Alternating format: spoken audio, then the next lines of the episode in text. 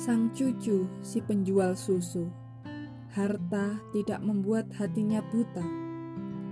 Betapa banyak pada zaman sekarang orang-orang yang tergelincir karena harta, tidak lagi menghiraukan mana yang halal dan mana yang haram.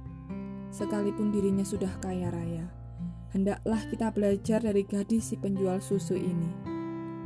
Pada suatu malam, Amirul Mukminin Umar bin Khattab radhiyallahu anhu diiringi pembantunya yang bernama Aslam, berjalan menyusuri kota Madinah untuk mengamati keadaan penduduknya. Ketika lelah mulai terasa, beliau dan pembantunya beristirahat di pinggir sebuah rumah.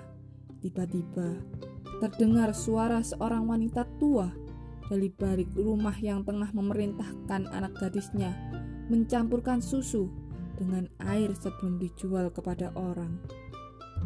Tetapi sang gadis menolak melakukan penipuan tersebut.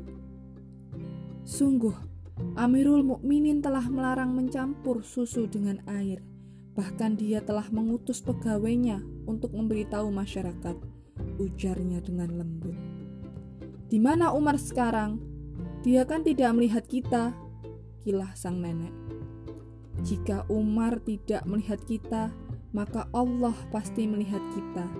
Akankah kita taat kepada Amirul Mukminin hanya di depannya, lalu membangkang tatkala sepi? Jawab sang anak tegas. Umar bin Khattab radhiyallahu anhu sangat gembira tatkala mendengar ucapan sang gadis tadi.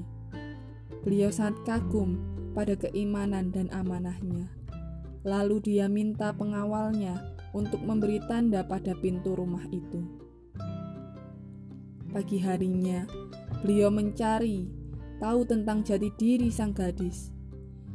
Ketika diketahui bahwa dia belum menikah, segera beliau melamarkan untuk putranya yang bernama Asim.